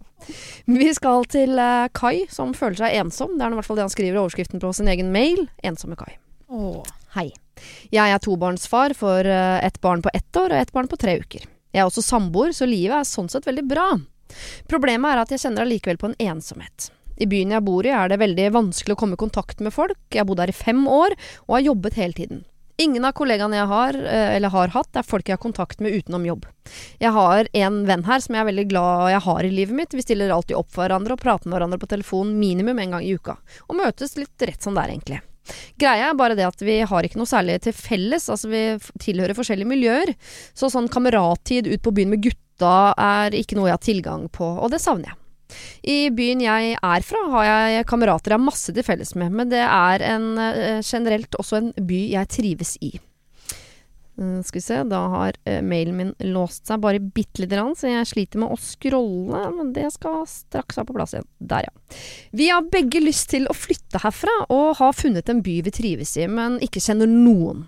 Og jeg har startet på en videreutdannelse i området vi bor i, eh, som er på deltid, og som går over fire år. Så hva gjør jeg? Vi føler oss stuck, på en uh, måte ensomme, og vi klarer ikke helt å være oss selv. Barnet vårt har akkurat startet i barnehage, så føler at livet låser seg sånn sosialt sett. Hilsen Kai. Nå er du jo i en situasjon, Kai, med barn på ett år og tre uker, eh, hvor jeg kan garantere at ting kommer til å løsne opp og forandre seg. Fordi at akkurat den fasen der, de har ikke begynt å være med hverandre hjem. Eh, sånn var det for oss òg da vi flytta til Asker med små barn. Mm. Eh, så fant vi jo ingen eh, som vi kjente der, og syntes det var vanskelig å komme i kontakt med folk. Og så, litt ut i barnehageårene, og ikke minst eh, via skolen, så dukker det opp folk. Ja. Ja. Som eh, Og barneaktiviteter. Du har allerede nevnt den sidelinja på fotballen. Absolutt. Eh, så vi har jo fått oss mange nye venner eh, gjennom barna. Ja. For det merker man liksom på foreldremøtet, så har man noen man ender opp med å sitte litt sammen med. Så det med at du har to barn, kommer jo til å løsne opp på en del av det. Mm. Vil jeg tro. Der- Og så øker vel den ensomhetsfølelsen også når man faktisk, og det er man jo faktisk, litt stuck med de små barna hjemme. Man kommer Ja. seg ikke helt ut. Den, der, den litt sånn fengselsfølelsen er jo tydeligere når man har to som man må passe på 24 Ja. timer i døgnet. Men er det ikke ålreit å ha noen, finne noen eh, også, som også har små, som man kan henge litt med? Jo, å ta med barna på, for det er jo litt uh, Ja. gøy, da. At Selv om- man har uh, litt At man kan ta sånn Ettåring som møter en annen eller- ettåring. ja. Ja. At man har litt sånn. Men han var jo, var det ikke sånn at han var litt ute etter um, noen å gå ut med og sånn? Virka som han liksom var litt klar for det. Mm. Hva sier du til det, Marte? Det er jo ikke det første man gjør på foreldremøte, f.eks. i barnehagen, eh, å gjøre det universelle øltegnet, hvor du tar en liten vippert oppi i kjakan og sier hva om vi skal gå ut en tur. Men det kommer jo det òg, da. Ja, det, altså, det ble, var ganske kjapt inne i barnegårdene, så var det sånn at man skal ta noe vingreier. Og så får man de fellesmeldene. Hva, klassevin, som jeg syns er helt grusomt. At alle foreldrene skal møtes oh, ja, eh, og, og drikke alkohol sammen, syns jeg er, er det er vanskelig. ja. Det, er mange, det er for mange. Men Må ta de som man liker. Ja, for man merker jo det. Det er litt sånn venneforelskelse, at du merker at det er noen man har litt lik tone med, og så har man Men hvis du ser, bortsett fra barna, da, hvordan komme i kontakt Var de, de nevnte å flytte? Nei, altså de har flyttet til dette stedet nå. Men har egentlig lyst til å flytte videre, men de føler seg litt stuck der det er nå pga. barnehage og dette deltidsstudiet og ja, jobb videre. Mm. Ja. Eh, For det å bytte barnehage, det går veldig greit. Det, Det går greit. Når man har små barn, så tenker man at det er større enn det det er. Men eh, fram til barna begynner på skolen, så er jo det med flytt Altså, det tar to Det kan de gjøre. Det kan de gjøre. Ja. Det går bra. Men jeg tror ikke det å flytte er noe mer enn å bare flytte et problem, med mindre man flytter hjem dit man har alle vennene sine. Men det er ikke sånn eh, dette med å føle seg litt sånn støkk og ensom. Det må man nesten Det kanskje kommer ta til å følge deg, liksom. Ja, og det må man kanskje ta litt med på kjøp også, som en, med en treuker og en gammel baby og en ettåring. Ja. Men jeg har et eh, Jeg kjenner noen som eh, har sånn at de har sånn hver, en dag i uka hver hvor de kan gjøre ting på kvelden. Ja, det er broderen òg. Ja, og det er jo lurt hvis man da Sånn som han, hvis han ikke har så mange å gå ut med, fins det ikke sånn fins jo sånn quiz og sånne litt mer sånn gruppeaktige ting hvor man ikke trenger å kjenne hverandre så godt. Mm. Og så min erfaring på ensomhet. Så for det, til og med, altså jeg kan virkelig sitte og føle meg veldig ensom noen ganger. Og så tenker jeg sånn Å, kanskje jeg bare skal ringe noen. sånn, Ja, for han Altså- har jo venner. ja, for man må jo liksom ta den kontakten og si Mm. sånn Å, jeg skulle så innmari Jeg føler meg liksom litt alene. jeg. Nå, man trenger ikke å si det, altså.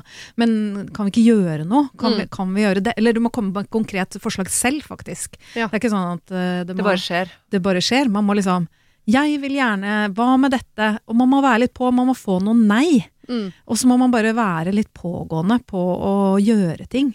Jeg kan sponse en middag, det høres litt kreve, eller litt Bare sånn needy ut, men, eh, men eh, jeg syns man kan begynne et sted. Jeg tenker også dette her må han prate om med partneren sin om, fordi eh, hvis han ha, det viser seg at han har jo venner Mm. eh, som kanskje krever litt reisevei, ok.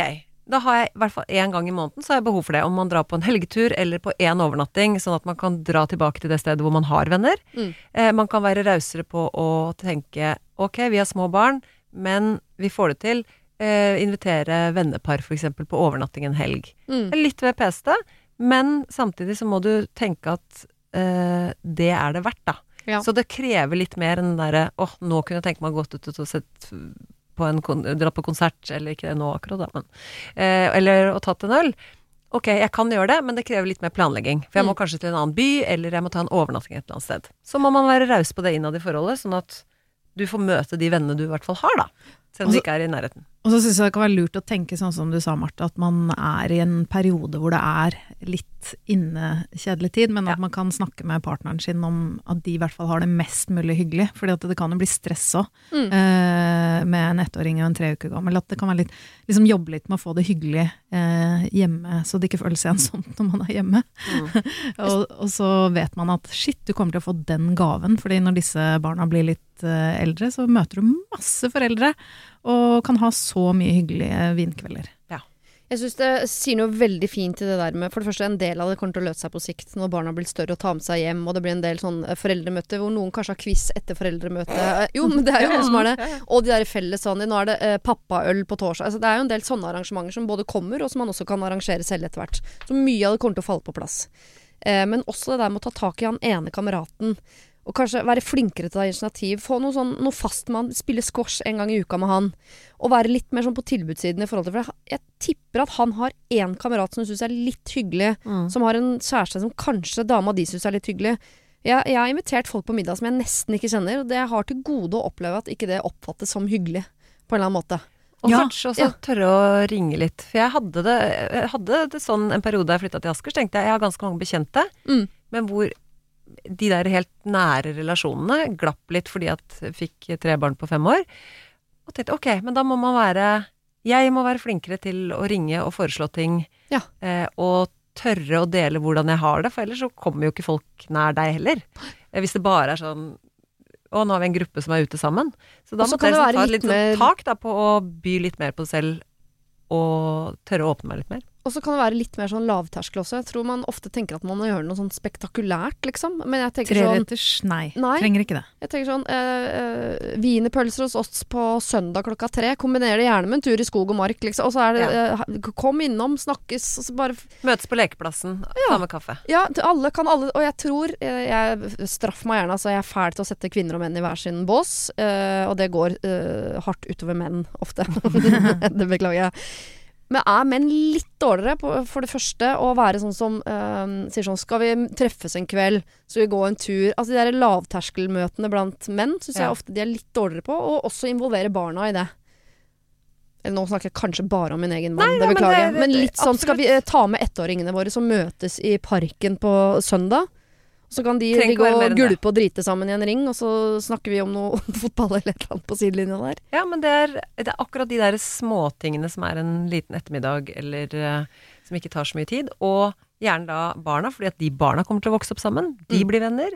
Og så å ha barn som leker sammen, og være venn med foreldrene, er jo en gavepakke. Det er en gavepakke, det. Ja, ja, ja. Og det som er fint, da, er jo at Kai allerede har tatt ansvar selv med å sende inn dette her til eh, deg, så da viser har det i seg. Ja, han har det virkelig i seg. Han kan åpenbart skrive mail. Ja, han kan Ja. skrive mail, og da kan han sikkert også ta ansvar for å ja, invitere, eh, foreslå ting, Ja. eh, gå ut der og få til at han ikke kjenner seg ensom.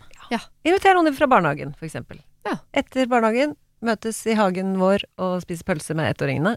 Som kommer til å bli strevsomt og uh, sånn, men da blir du litt kjent med foreldregruppa, så ser du kanskje det er noen der. Og vi har også veggispølser. Ja. Det må du legge i ved mailen. Og så må du være forberedt på at ingen kommer til å få fullført en eneste historie eller setning, for sånn er det når det er masse unger til stede. Men dere får i hvert fall på en måte blitt litt kjent. Vet Ja. hvem hverandre er, lærer noen navn og ikke sant. Og da er det lettere å ta den ølen. Ja, og at man kan himle med øya sammen over ikke sant? Nå ramla han igjen, han minste, og de greiene der. Ja. det blir bra, det.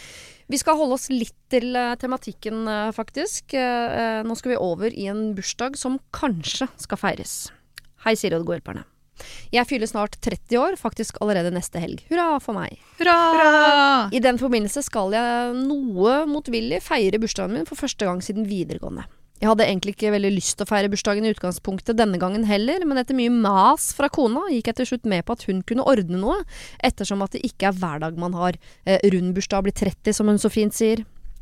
Jeg vet at hun ikke mener noe vondt med å mase når hun gjør det, ettersom hun kun ønsker at jeg skal få en fin dag, men jeg er ikke veldig glad i å feire eh, denne dagen, etter dårlig erfaring fra forrige gang, og jeg gruer meg en del samtidig som jeg faktisk må innrømme at jeg hadde begynt å glede meg litt å prøve ut dette med bursdagsfeiring igjen. Årsaken til at jeg ikke er så glad i å feire, er at uh, sist jeg skulle feire, hadde jeg invitert store deler av klassen til fest, men ingen dukket opp, selv om en del hadde sagt at de skulle komme. Senere fikk jeg høre at de som var invitert sammen, hadde planlagt å ikke komme for å være jævlig, noe som virkelig satt langt inne. Jeg har blitt eh, mobbet så lenge jeg kan huske, og av den grunn har jeg ganske vanskelig for å stole på intensjonene til folk, og spesielt til nye folk jeg møter. Dette har igjen ført til at jeg i dag har få venner, og folk jeg føler jeg har et godt nok forhold til, eh, til at jeg er komfortabel med å skulle invitere dem til noe sånt. Så når jeg nå skal begi meg ut på dette på nytt, så sliter jeg derfor en del med å finne ut hvem jeg vil ha på festen denne gangen, og ikke. Men til slutt, da, så fant jeg ti stykker jeg hadde lyst til å invitere. Blanding av venner og kollegaer og partnere til venner og kollegaer osv. Nå har fristen for å melde, seg, eh, melde fra om man kommer eller ikke gått ut, og enn så lenge så er det kun to av mine venner som har sagt at de kommer, og jeg får med en gang flashback til den dagen på videregående. Så nå sitter jeg egentlig bare her og føler sterkt på at jeg ikke har lyst til å feire i det hele tatt, og har mest lyst til å bare glemme hele dagen, som jeg likevel pleier å gjøre. Kona på sin side mener helt bestemt at jeg burde gjennomføre allikevel. Så da kommer mitt spørsmål. Burde jeg bare gi blanke i alt og heller avlyse, eller burde jeg gjennomføre det og heller prøve å kose meg med de to som kommer, vel vitende om at de åtte andre ikke kom? Kjenner virkelig at jeg er helt rådvill her nå og trenger hjelp fra noen utenfra, for jeg selv aner ikke hva jeg burde gjøre, for det er jo faktisk to som har lyst til å komme. Det kan se ut til at jeg sliter mye med følelser eh, ut fra hva jeg skriver, men sånn er det ikke. Altså, jeg har det bra, jeg er fornøyd med livet jeg har i dag. Jeg har klart å legge alt det gamle bak meg utenom akkurat dette med bursdag, som fortsatt er sårt. Derfor gjør det litt vondt nå når det ser ut som om historien kan gjenta seg. Hjelp! Navn kan dere finne på sjøl. Mm. Altså, um, et sånn bursdagsfest, eller bare å lage en fest, det uansett trigger jo sånn, akkurat sånne følelser. Mm. Fordi det er det er så kjipt når folk ikke vil komme. Men dette her er jo mye Her er det så mange lag av vondt. Og som de som nå er invitert, kanskje ikke vet om. Eh, og ofte så er det jo ikke fordi man ikke vil komme, men det passer ikke, og man har kommet litt opp i 20-30-åra, og har, noen har sikkert familie, og det er liksom en kabal som skal gå opp. Og så er det en tid hvor det faktisk er sånn at det er noen som ikke vil gå på sammenkomster. Ja, uten at det er deg personlig. Ja, det har ikke noe med For det er noe helt annet å være barn og den derre konspiratoriske 'nå går vi sammen' mobbesituasjonen. Det er vi helt sikre på at det ikke er tilfellet nå. Ja, mm. Og det er viktig at han også er uh, sikker på. Mm. Og så er det jo klart at når du inviterer For jeg har jo blitt invitert til ting eh, hvor det er liksom Ok, så er det 100 som er invitert, og så er det 22 som kommer, da. Ja. Som er litt sånn samme greia. Mm. Men da er det jo ikke eh, fordi at de andre eh, 78 sier Nei, jeg har ikke lyst til å feire at du blir 30 år. Det er jo ikke det som er, er grunnlaget i det hele tatt. Det er Nei. andre ting, da. Mm. Så jeg syns absolutt at du fortsatt bør ha et lag. Og om det kommer to, så er jo det allikevel Da tenker du ok, men da lager vi Da kan vi lage enda bedre mat, eh, flere retter som man ikke kunne gjort kanskje hvis det var ti. Jeg syns ikke at det skal avlyses. Enig. Egentlig så skulle jeg ønske, men sånn, det går ikke an å ønske noe som ikke er, men at hun hadde bare lagd et surprise party. Fordi hvis det var to stykker på et surprise party, så hadde det vært verdens beste surprise. eh, og hvis man bare klarer å gjøre om i hodet sitt at ja, men ja, dette er jo verdens beste fest. Det er jo to som eh, vil komme, og, vi, og, så er jo kjæresten min her og jeg, og vi skal jo ha verdens hyggeligste kveld. Eller gå ut og spise eller gjøre noe, da ja, går jo også ja. an, for eksempel. Istedenfor å drive og blåse opp ballonger, tenker du? Det, ja, men sånn, nå tror jeg ikke at på, når du inviterer ti, så har du kanskje ikke leid lokale. Nei. For det blir jo mer sårbart hvis du har leid mm. lokale, og så ja. kommer det to. DJ. Hvis du skal ut og spise ja. eh, sammen med kona di og to venner, så er det noe helt annet. Mm. Det er bursdager som jeg har feira selv også opp igjennom. Så det er liksom eh, Da blir det ikke like sårbart som at her er det glissent, liksom. Nei. Jeg skjønner at man ikke har lyst til å feire, men eh, jeg, jeg har tenkt de siste årene at jeg skulle ønske at jeg klarte å feire halvtårsdag og kvartårsdag og alt mulig, for jeg blir jo så godt humør på bursdagen min. Ja. Som om noe var annerledes eh, fra en hvilken som helst dag. Nei, det er det ikke, men jeg føler meg som midtpunkt i mitt eget liv, og elsker det. Og jeg skulle ønske at han også klarte det. Nå hadde vi et navn. Nei, vi måtte Nei. finne på sjøl. Du kan godt gjøre det. Kan få den glede, Mona. Jonas. Jonas er fint. Jonas, mm. Jonas at, han, at han klarte liksom å bare i dag er min dag i dag, herregud, for en herlig dag! men, men, jeg har jo en sånn. kjæreste som absolutt ikke er sånn. ja. eh, og han, selv om han hadde fått beskjed Kan du ikke bare tenke liksom at det er min dag i dag? Bare, eh, jeg kan ikke tenke meg noe verre enn at jeg skal ha midtpunkt og gå rundt og Det er min dag. For det, det er sånn grunnleggende, og ikke på grunn av noe eh, verken mobbing eller historikk. For, han er ikke skrudd sammen sånn. Nei, og det er, er kanskje ikke Jonas heller. Nei, så sånn sett så, eh, når du ikke li... Men det spørs jo, er DNA-et ditt, er det egentlig det er min dag i dag, og så har det blitt ødelagt fordi du har blitt mobba? Eller kan du se vekk fra mobbehistorien historien og tenke at uansett så er ikke jeg en type som vil ha stort lag, da. Nei. Og det som hadde vært fint, var hvis han klarte å tenke at um, Eller klarte å tenke på hva han vil ha av den kvelden, som gjør at uh, han syns at det er kult, som Mm. egentlig avhenger bare av han. Vi skal spise det, jeg Mm. skal drikke det, vi skal høre den låta, for det er min favorittlåt. Ja. Um, Mm. Jeg tror i hvert fall hvis han skal gjennomføre dette, som jeg også heier på at han skal gjøre, eh, at han må klare å liksom sette mindsettet sitt sånn at at han gleder seg, og at han klarer å være der, og at han klarer å kose seg. For det er klart at hvis han går inn i denne middagen For den blir jo ganske sånn gjennomsiktig når de bare er fire. Mm. Det er ikke plass til at én av fire, og spesielt ikke bursdagsbarnet, sitter og, og er litt sånn furten i et hjørne. Selv om han har all grunn til å være det, men hvis han, hvis han går inn i det med, eh, med den følelsen, da tenker jeg at da kan man nesten like til å være å ha den middagen. Så man, Mm. man må klare å, å omstille seg og si at det, jeg gleder meg til vi fire skal gå ut. Og slå kanskje enda mer på stortromma, da. Mm. Finere restaurant. Gjør noe gøy først. Gjør noe gøy etterpå uten at det blir eh, anmasende. Men han må klare å glede seg til den dagen og på den dagen. og så må det være lov, eller sånn Han må ha lov til å bli trigga av det som har skjedd i bak, bakgrunnen hans, holdt jeg på å si. Altså det er ikke sånn at jeg tenker at å, så rart at du som er, fyller 30 år fortsatt uh, syns at dette er vanskelig. Fordi det er så eh, lov å kjenne på at det er vanskelig. Men kanskje han kan liksom få ut det på en måte først, få snakka gjennom det ordentlig med kjæresten sin eller et eller annet. Ja, så er det jo, kan du jo tenke, i hvert fall opplever jeg det, hvis man er fire stykker rundt et bord, så blir jo samtalen ofte bedre enn langbord som man bare får sånn hei, hei, og så sitter de og prater litt i et hjørne, og Så du får jo bedre samtaler. Og så tror jeg også at i forhold til kjæresten din, så lurer jeg på om Jonas, som vi kaller han, eh, kanskje føler litt på det, for hun vil så gjerne at han skal feires, og så Mm. føler du deg litt at du skuffer sjøl, for ja, det er bare to som vil komme. Ja. Eh, og i hvert fall hvis du bruker ordet også 'vil komme', som jeg ikke tror er sant. Nei, det tror jeg ikke. Eh, det er to som kan, som det passer for, og også i koronatiden også, som mm, mange også takker nei fordi de vil ikke samles for mange mennesker. Og så tenker jeg det er viktig at han knytter enda sterkere bånd til de to som han jo skal spise denne middagen med, enn at han nå liksom dropper ut. Og da skaper han jo egentlig avstand til de også. Ja. Han må jo eh, bygge seg opp. De kommer jo da i hvert fall i bursdagen også neste år, hvis dere har det hyggelig i år. Og da kommer det kanskje to til. Så kom naboen. Og så Men jeg husker jeg hadde på Var det 34-årsdagen min eller sånn, så skulle kjæresten min arrangere en liten surprise. Nesten ingen kunne komme. Og eh, da ble jeg jo eh, Og er ikke veldig glad i overraskelsesting, egentlig, men han hadde invitert da til grillfest. Vi bor i Asker, veldig mange venner i Oslo. Som ikke kunne komme, og som det ikke passa for. Mm. Så det var jo en litt sånn rar blanding hvor jeg så utover og tenkte sånn Ja, dette var mine nærmeste. Og så for det var Og han hadde ikke helt oversikt. Han hadde invitert noen kollegaer sånn som eh, Å ja, ja det var, Så det var en litt rar blanding, Ja. og ikke så veldig mange. Nei. Og noen naboer som vi nesten ikke kjente. Men det ble en veldig hyggelig dag, og så eh, hadde jeg en liten sånn dupp hvor jeg tenkte åh, hvor er hjertefolkene mine? Og så begynte jeg å tenke, har jeg egentlig noen nærme venner? Og så eh, grilla vi litt, og tok noen øl, og så ble det veldig hyggelig.